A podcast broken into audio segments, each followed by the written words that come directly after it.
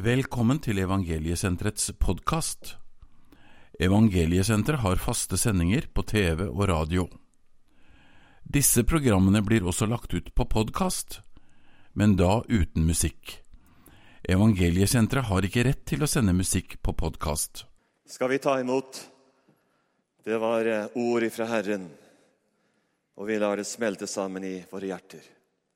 Flott å være sammen i formiddag. Er du fullt våken nå? Yes. Det var engelsk. Kjetil sa i fjor på et møte at dette her var eh, å si ja til å tale på Østerbo sommerstevne. Det var en utmerket eh, slankemetode. Og det, og det er jo veldig bibelsk egentlig òg. Gå det noen kilo? For det står jo det at det er han som skal vokse, og vi skal avta. Og fettet hører Herren til, står det. Jeg er ikke sikkert du er helt enig i den teologien der, men det er greit. Men i alle fall så er det fint å være her i dag og dele samfunn og ordet sammen med dere alle sammen. Og eh, takk for velkomst, og takk at vi får lov å være med her også på dette stevnet. Vi, eh, jeg kan ikke huske det at jeg ikke har vært på Evangeliesenterets sommerstevne. Jeg satt og tenkte her. Og jeg kan ikke huske at jeg ikke har vært her. Det kan hende at jeg ikke har vært her. Jeg tør ikke å si det 100% sikkert. Men i alle fall så har jeg vært her i mange mange år på disse stevnene. Og det er jo sånn at dette her med den evangeliesenterets eh, gen på en måte, og det som evangeliesenteret står for, og det som vi opplever når vi er sammen med evangeliesenterets venner, det er noe som vi kjenner sanksjonerer i våre hjerter. Og den atmosfæren som har fulgt evangeliesenteret i alle disse år, og eh, det er den som smelter hjertene ned. Og For min egen del så er ikke jeg den personen som har eh, lettest for å gråte. Men eh, det hender av og til før jeg har kommet inn på Evangeliesenterets møter kunne vært her i forbønnskøen eller jeg har vært på, på plattformen og jeg har kjent denne atmosfæren som smelter hjertene ned. Og jeg har kjent at tårene har kommet. For Gud i himmelen er der. Han er der hvor nøden er. Han er der hvor behovene er. Og eh, dette der har vi fått opplevd i så mange år. Og det må vi be om at eh, fortsatt må få lov å følge Evangeliesenterets eh, vekkelsestog gjennom Norges land. For eh, det er det det har vært i så mange år. En vekkelsestog som er feid gjennom ja, både Norge og, og Sverige, holdt jeg på å si, og også til andre land, med budskap om frelse og forlikelse i den Herre Jesu Kristi navn. Når det er sagt, så har vi jo fulgt evangeliet sentralt fra Roa. Og, eh, men jeg kjente jo Ludvig også før evangeliesenteret ble starta. Da han kom opp til Hedmarksbygdene, der hvor jeg vokste opp, Brumunddalen og Jeg bruker å si Hedningsmarken, ja. Og det liker ikke Randi. Hun mener at Hedmarken skal bli frelst, og det tror vi på. Jeg husker da vi kjøpte vår første campingvogn. Så het den Hobby. Og da fikk Randi et budskap med en gang. Vet du hva hun sa? Kristenlivet er ikke noe hobby, venner, sa Så sånn er det. Men vi har hobby ennå, da, altså i campingvogn. Men i alle fall så kom denne karen opp til Hedmarksbygdene. Skal bare ta det fort før vi deler et ord sammen her. Og eh, Han var jo den reisende slekta. Og jeg syns det var veldig spennende når Ludvig kom oppover. og Han var jo religiøs, som vi sa. Jeg skjønte ikke noe annet, hadde ikke noe annet navn på det.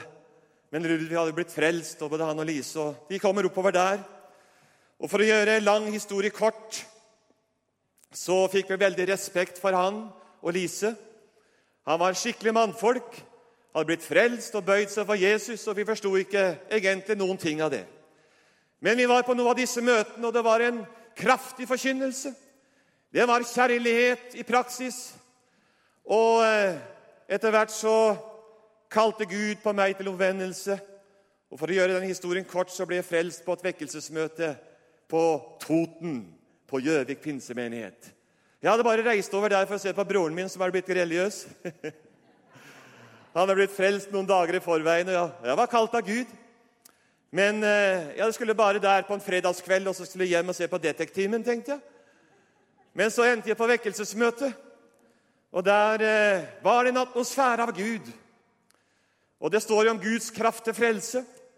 Og Jeg satt der på siste benk og var kalt av Gud og hadde vel tenkt at jeg skulle bli frelst en gang, men ikke da. Men så var det en på møtet som heter Pelle.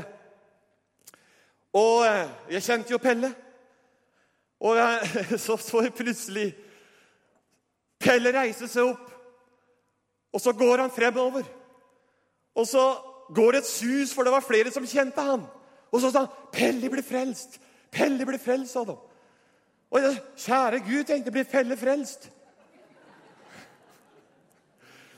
Og jeg visste ikke ordet av, for jeg, jeg husker det ikke engang. Jeg sprang fram til første benken der, og der ble jeg frelst. Det var 9. januar i 1981. Og Det er 36 år sia, og eh, jeg er frelst fremdeles. Herren har gitt meg ei god kone her, Randi, tre barn. Jeg har passert 60 eh, år for litt siden. Jeg hadde ristet på hodet. Jeg tror ikke på det, nei. Men eh, det er faktisk sant. Og Gud har vært god hele veien. Holdt sin hånd over meg og satt meg inn i en sammenheng. Få lov å være med og tjene den levende Gud. Det er det største som fins.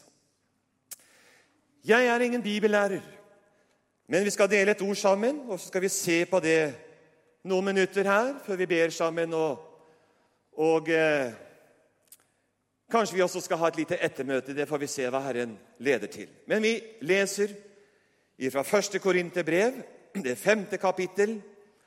Og så skal vi se på et par ord som eh, jeg syns er blitt minnet om å dele her i dag. Første Korinterbrev Nei, unnskyld, andre brev til korinterne. Det femte kapittel og det nittende vers.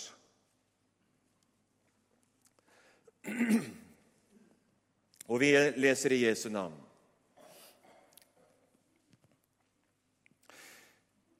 Det var Gud som i Kristus forlikte verden med seg selv, så han ikke tilregner dem deres overtredelser, og la ned i oss ord om forlikelsen.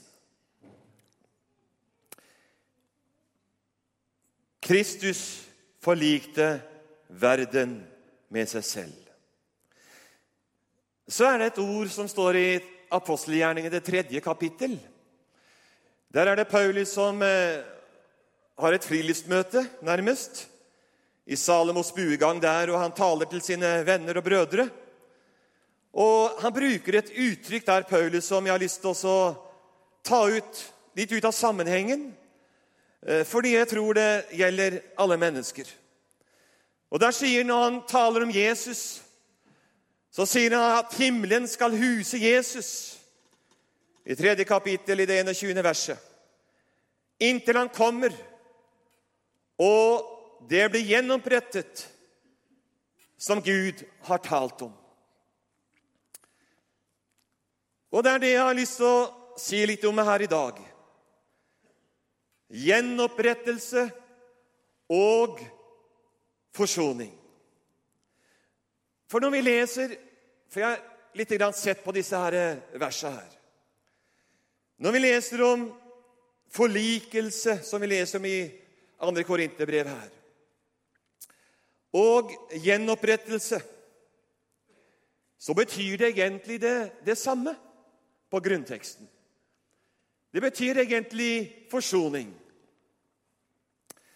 Og Hvis du vil ha en liten definasjon som jeg leste om gjenopprettelse, så er det en definasjon som heter å bringe tilbake til det opprinnelige.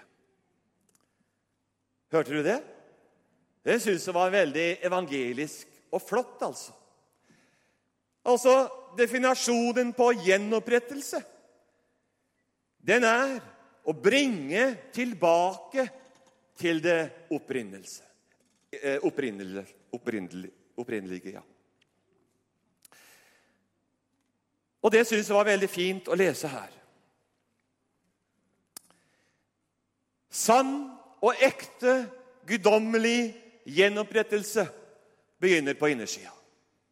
Ikke sant? Så Derfor så sier Bibelen at vi skal fatte et annet sinn og vende om. Og Derfor så var det en forunderlig opplevelse for meg da jeg så meg i speilet dagen etterpå og så den samme personen. Men egentlig på innersida så, så kjente jeg at det, det hadde skjedd et eller annet som jeg ikke kunne forklare.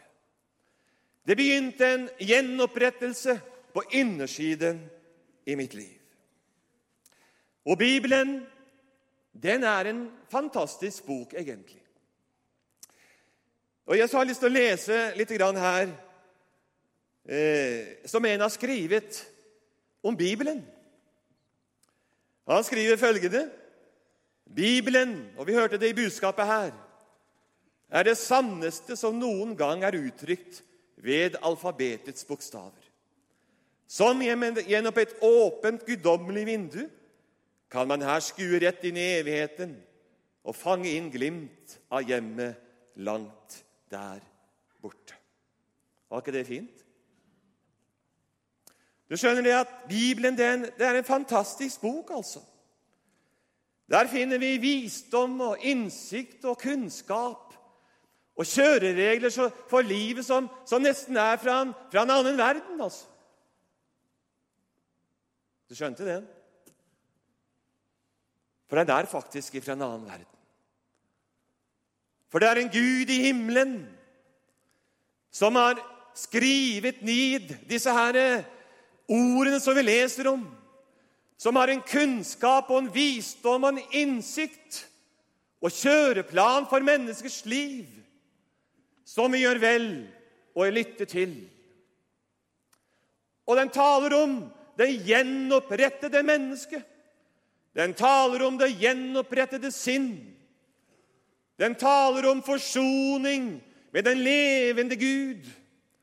Og den taler om fremtid og om håp.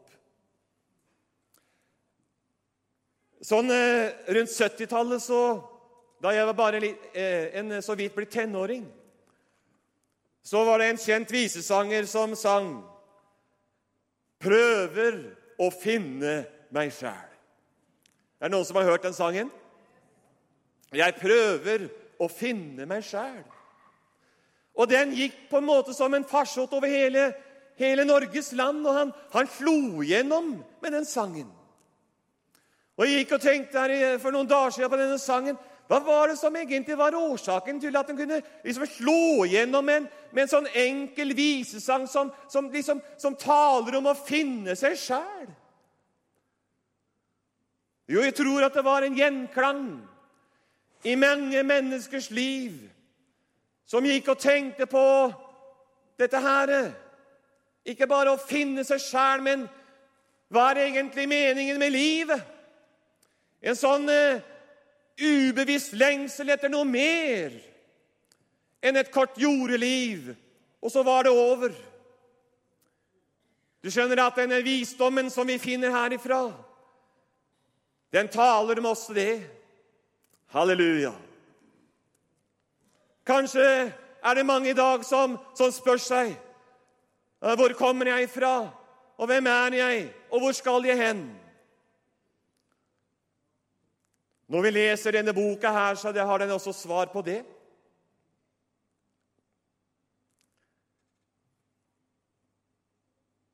Hvem er jeg? Hvor kommer jeg fra? Og hvor skal jeg hen? Og Bibelen taler hvem du er. Han taler om at mennesket det er det ypperste i skaperverket. Vi kommer ikke fra en slags eh, apeslekt som har reist seg en gang i, i fortiden og begynt å gå på to ben. Nei, vi kommer ifra den levende Gud som skapte mennesket i sitt bilde. Og som skapte mennesket som det, som det ypperste i sitt skaperverk. Det er svaret på, på hvem jeg er. Og så skapte han først mannen, og så skapte han kvinnen. Han skapte altså to kjønn. Han skapte ikke ett kjønn. Han skapte ikke tre kjønn eller fire kjønn. Men han skapte to kjønn. Han skapte mannen, og han skapte kvinnen. Og så sa han til disse to Vær fruktbare.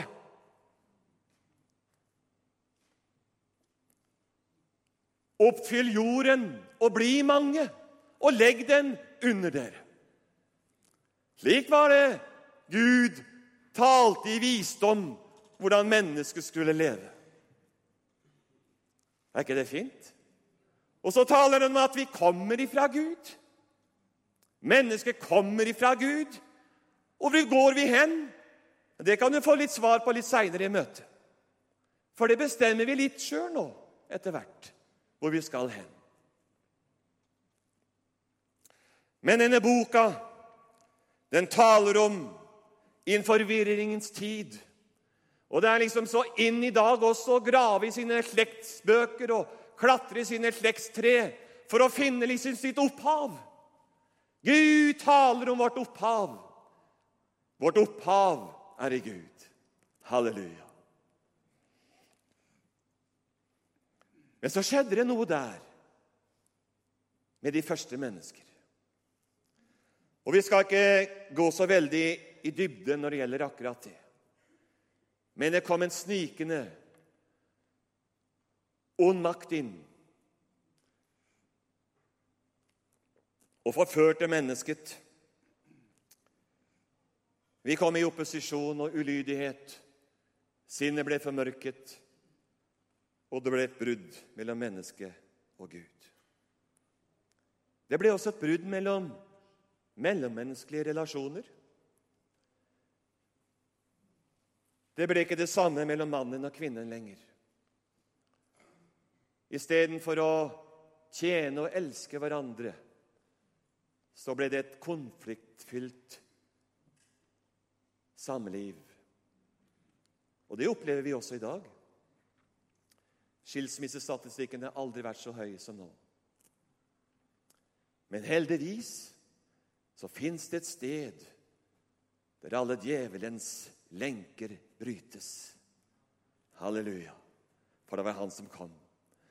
Og heldigvis så ser vi også, når vi får lov å formidle dette, dette evangeliet som er det gode budskap om Jesus, som kom for å frelse, som kom for å løse, så ser vi at det skjer under enn i dag når mannen og kvinnen får bøye sine hjerter innenfor en levende Gud. Så skjer det mirakler. Halleluja! Og så skjer det en gjenopprettelse i ekteskapene og samlivet. Og så blir det en stø gang videre i sammen med Jesus. Det kan gå i stykker for oss alle sammen. Men han som tar leret i sin hånd, han som er pottemakerens mester, han tar og former det og danner det, halleluja, i sin naglemerkede hånd. Og så gjør han om oss igjen til et ærens kar. Og så får vi gå sammen videre. Det første som skjedde det var dette ropet fra Gud. Et hjerterop. 'Adam, hvor er du?' Jeg vet ikke riktig hvordan det lød, men i alle fall så kalte Gud på Adam. 'Adam, hvor er du?' Og siden så har han kalt. Han kaller ifra solens oppgang til ens nedgang, står det. Kaller og taler til menneskenes barn. Men Adam skjulte seg. Men Adam, han blir kalt på i den tiden som vi lever. Jeg har lyst til å bruke et lite bilde her som, som jeg har tatt fra noen ganger også. Du skjønner at Min far han er hjemme hos Jesus nå. Han ble frelst han var litt over 60 år. Han var en, eh, Han var en, eh, en eh, Vi har et sånt uttrykk i dag vi kaller det for en handyman. er det noen som har hørt det? Pappa hadde nok aldri hørt om det, tror jeg. Han var, han var en handyman. Han kunne ikke engelsk, men han var flink med hendene sine, som vi, var, som vi sier. Og eh, han, eh, han, var, han, var, veldig flink til å, til å, skape ting med hendene sine. Han eh, reparerte, han, han jobba og reparerte gamle ting, og han laga kniver og kniv og forskjellige ting i sølv. og Han, han var egentlig veldig flink med å lage og skape ting. Og pappa han, han var bestandig på leting etter, etter, etter råvirke. Og han kunne, han kunne, finne hva som helst, egentlig, men det var, han ble ekstra glad når han fant sånne har du sett sånne utvokster som, som vi finner, som har, vokst ut på trærne. Har du sett de? Sånne, sånne bjørkeutvokster, liksom. Som, og når pappa fant en sånn da ble han veldig glad, egentlig. For han skjønte og han visste at ut ifra denne merkelige, forvokste klumpen der, der, kan jeg skape noe fint. Han hadde et bilde inni seg. Og, og det var eh, Vet du hva det er for noe? Jeg har lest om faktisk hva det er for noe. Det har et navn. Disse her eh, utvoksende som vokser på bjørketrær og litt andre trær. Vet du hva de heter? De heter for, eh, de, de heter for Skal vi se, Jeg har skrevet opp det her så jeg ikke skal Knote heter de. Er det noen som har hørt det navnet før? Ja, det er faktisk noen som har hørt. Jeg visste ikke at det heter knote. Et merkelig navn. Altså, det, det er en knote som er, som er blitt en utvokst på tre. Og den er forårsaket egentlig eh, fordi at det, treet ble virusangrepet. Har du hørt noe sånt? Altså, Treet ble angrepet av virus, og så ble det en knote. Og denne knoten som da enkelte skar av, den var pappa på leting etter. For han hadde et bilde, han så en knote. Så så han plutselig muligheten til å lage et flott knivskaft som kunne blitt redskap i et eller annens hånd. Så når pappa så en knote, så, så tok han det vet, inn på verkstedet sitt. Og Så begynte han å forme det, og så begynte han å ordne på det og slipe det. Og, og, og til slutt så ble det et, et flott knivskaft som han beslo med sølvet og laga fint lire til. Og det ble et redskap i en lands hånd som kunne bruke denne knoten som var så forvitret og så ødelagt pga. et virusangrep. Og jeg tenkte at det, sånn er også vår himmelske far, ikke sant? Adam, hvor er du? Han leter etter vi som kommer på en måte ut av den adamittiske treet som er besmittet av syndens virus. Men eh, det er en Gud i himmelen som er på leting etter oss, og som ønsker å få tak i oss og forme oss til det karet og til det redskapet som han har tenkt at vi skulle bli. Ja, nå hadde jeg nesten forventa et ammen halleluja, altså, men her, eh, her sitter det langt inne. Men tenk at du kan bli et redskap i hans hånd og være med og bli formet og dannet av mesteren selv, for han er på leting etter dette karet. Fordi at vi kan få lov å bli podet inn på et nytt stamtre, som Kristus er stamfar til. Halleluja! Den nye stamfar, det er vår frelser Jesus Kristus. Det er veldig radikalt å bli frelst. Det er det. Og eh, det ble en radikal opplevelse også for meg. Hvis vi leser i eh, Kolosserne Vi kan bare lese det verset her. Kolosserne, det første kapittel. Der står det fra det 13. og 14. verset. Vi leser det. Han, altså Jesus, han er den som fridde oss ut av mørkets makt og satte oss over i sitt elskede Sønns rike. I ham har vi forløsningen, syndenes forlatelse. Det er veldig radikalt å få oppleve det nye livet. Bibelen taler om at vi vender oss ifra mørke til lys, ifra Satans makt og til Gud. En total forflytning og en total gjenopprettelse. Det er det Bibelen taler om. Det er evangeliet i praksis. Det er det gode budskapet. Og evangeliet, det har jeg tenkt på, det er altså så virkekraftig og så sterkt. Så Paulus sier at 'jeg vil ikke vite noe annet iblant dere enn Kristus Jesus og Han korsfestet'. Det var det som lå på hans hjerte. Og Han skriver til tesalonikerne at 'når jeg kom til dere, så kom ikke bare i ord', men evangeliet kom med kraft, med overbevisning i Den hellige ånd.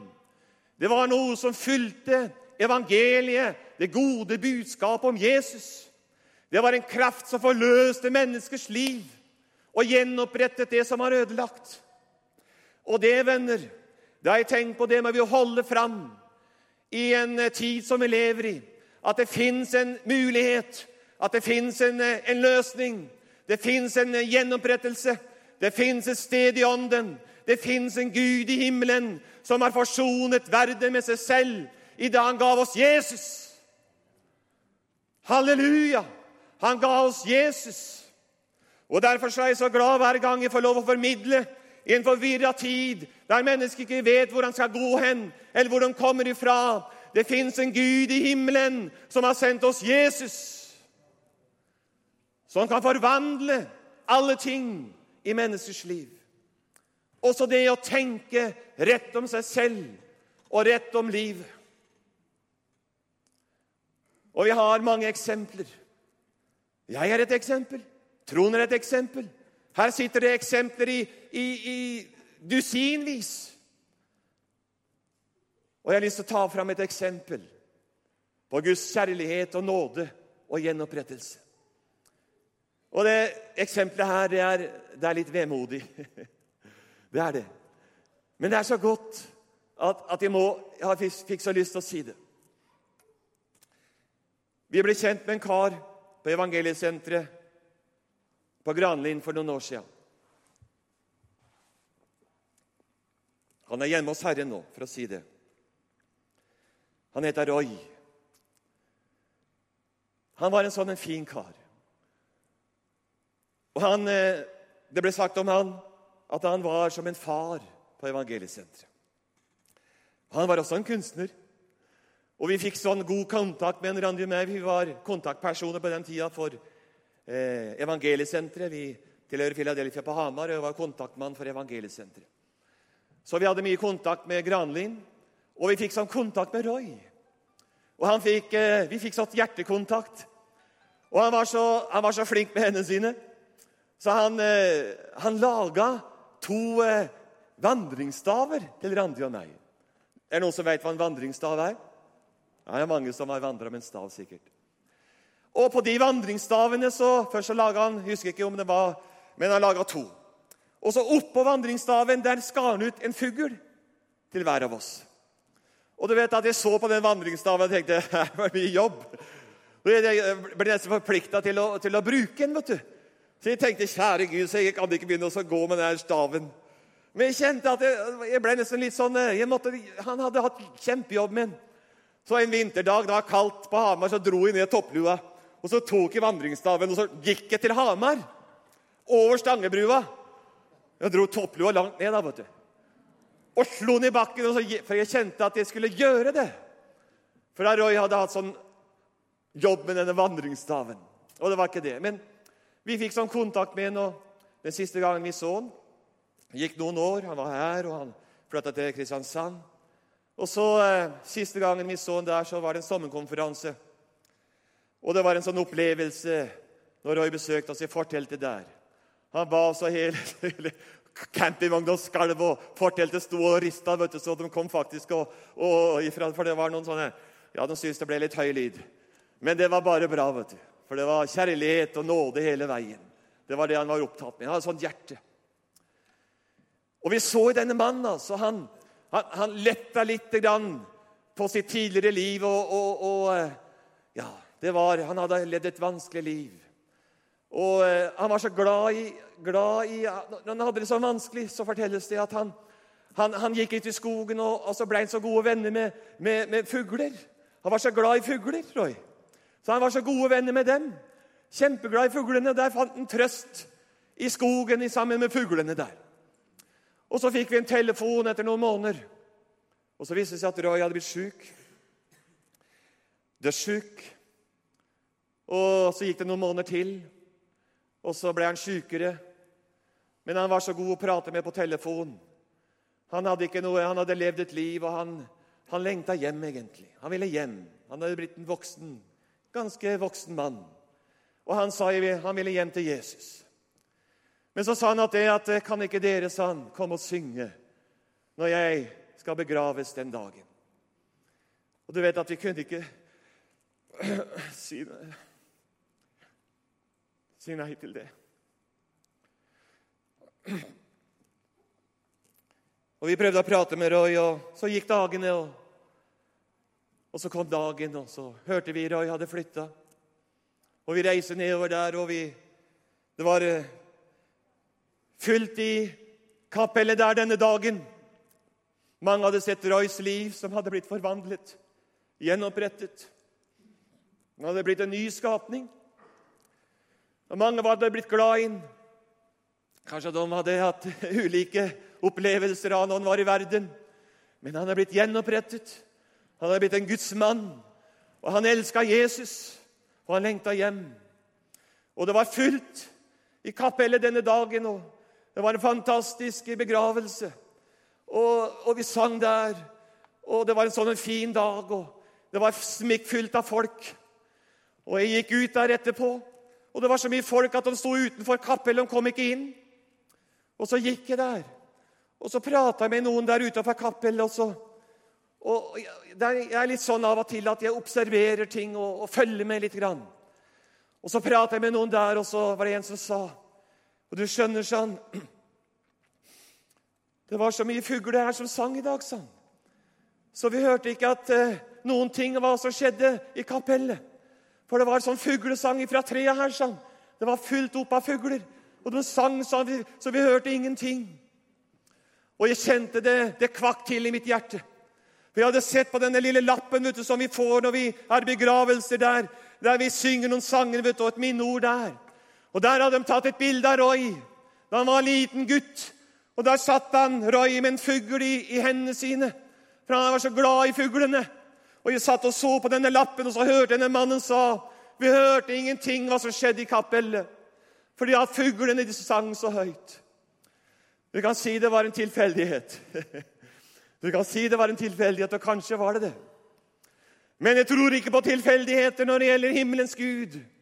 Jeg tror ikke på tilfeldigheter når det gjelder en mann som er født inn i et nytt liv.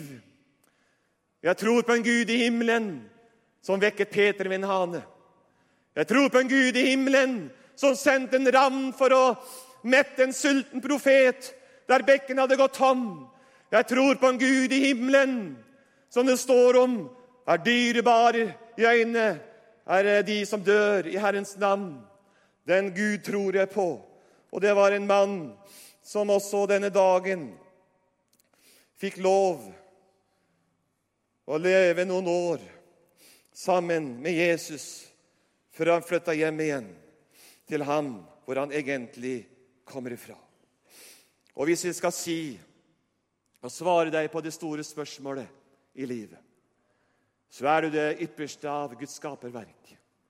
Du kommer ifra Gud, og hvis du vil tilbake til ham igjen, så fins det et sted, så fins det et navn som Gud har gitt oss, der alle ting brytes. Og det er i dette navnet Jesus. Halleluja. Han er mellommannen mellom himmelen og jorden. Han er mellommannen mellom Gud og mennesket.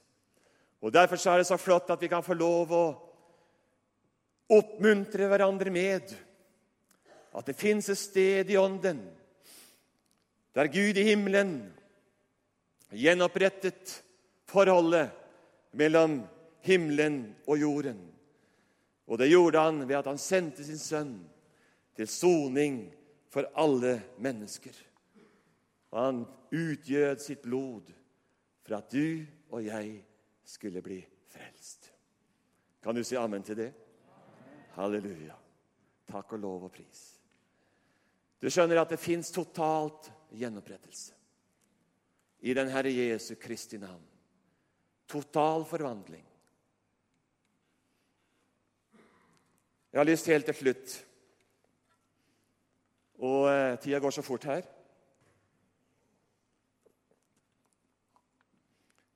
Å si til deg som en trøstens ord her i dag.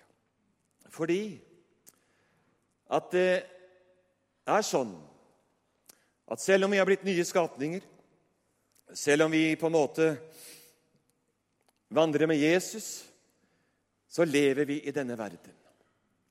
Og denne verden, den ligger i det onde, står det. Og Derfor så kan vi oppleve underveis at vi blir anfektet og plaget og opplever at sjelefienden på en måte retter oss for å få oss tilbake til det gamle livet. Jeg hadde det litt grann sånn da jeg var nyfrelst. Djevelen plaga meg, og han eh, ville ha meg tilbake til det gamle, det som jeg kom ifra. Og Det står i Kolosserbrevet, det andre kapittel, der står det at han utslettet skyldbrevet som var imot oss. Vi var alle skyldige, men Jesus utslettet dette skyldbrevet.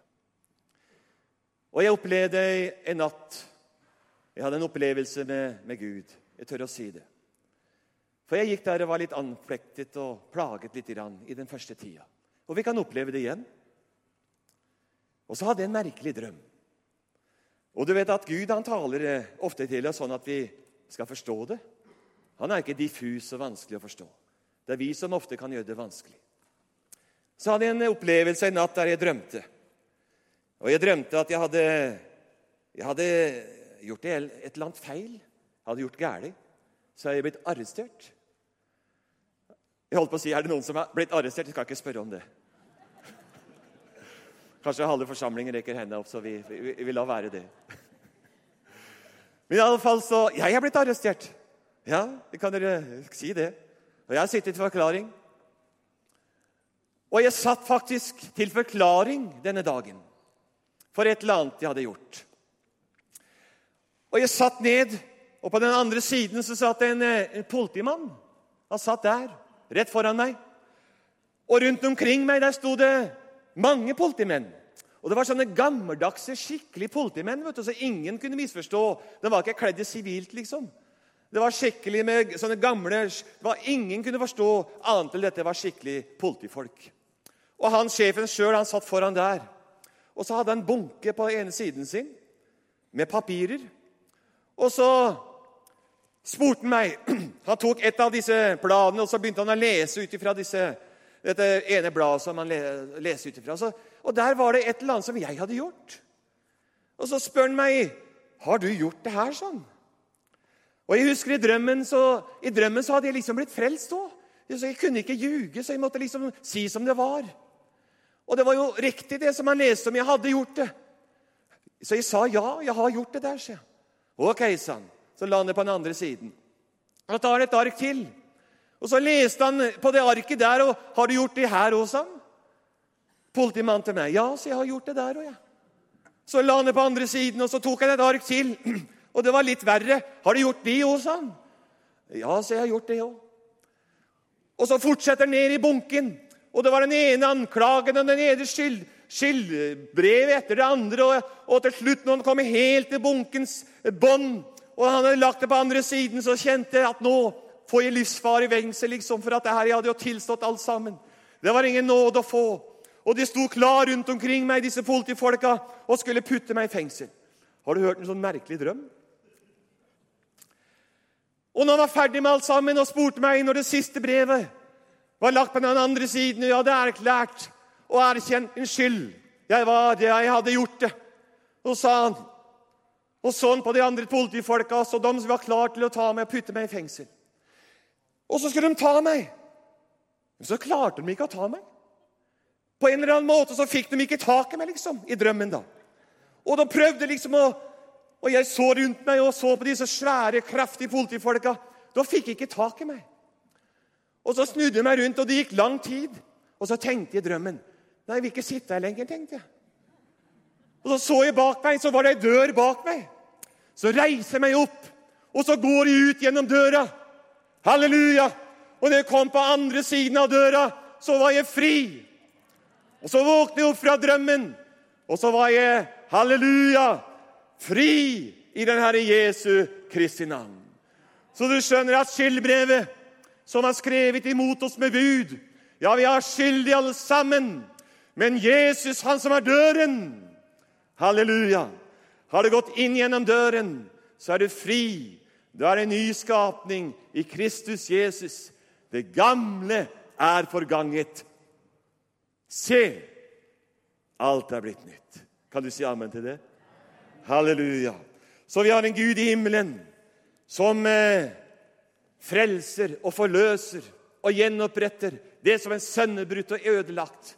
Og det kan jeg også gjøre her i formiddag med deg. Kanskje opplever du det sånn at eh, ja, det har ikke gått så, så greit i livet mitt. Men det fins en Gud i himmelen, og det fins et sted i ånden der alt kan gjenopprettes, og alt kan ordnes på nytt igjen. Programmet du hørte har tidligere blitt publisert på radio og TV. Mer informasjon om våre sendinger får du på vår hjemmeside evangeliesenteret.no.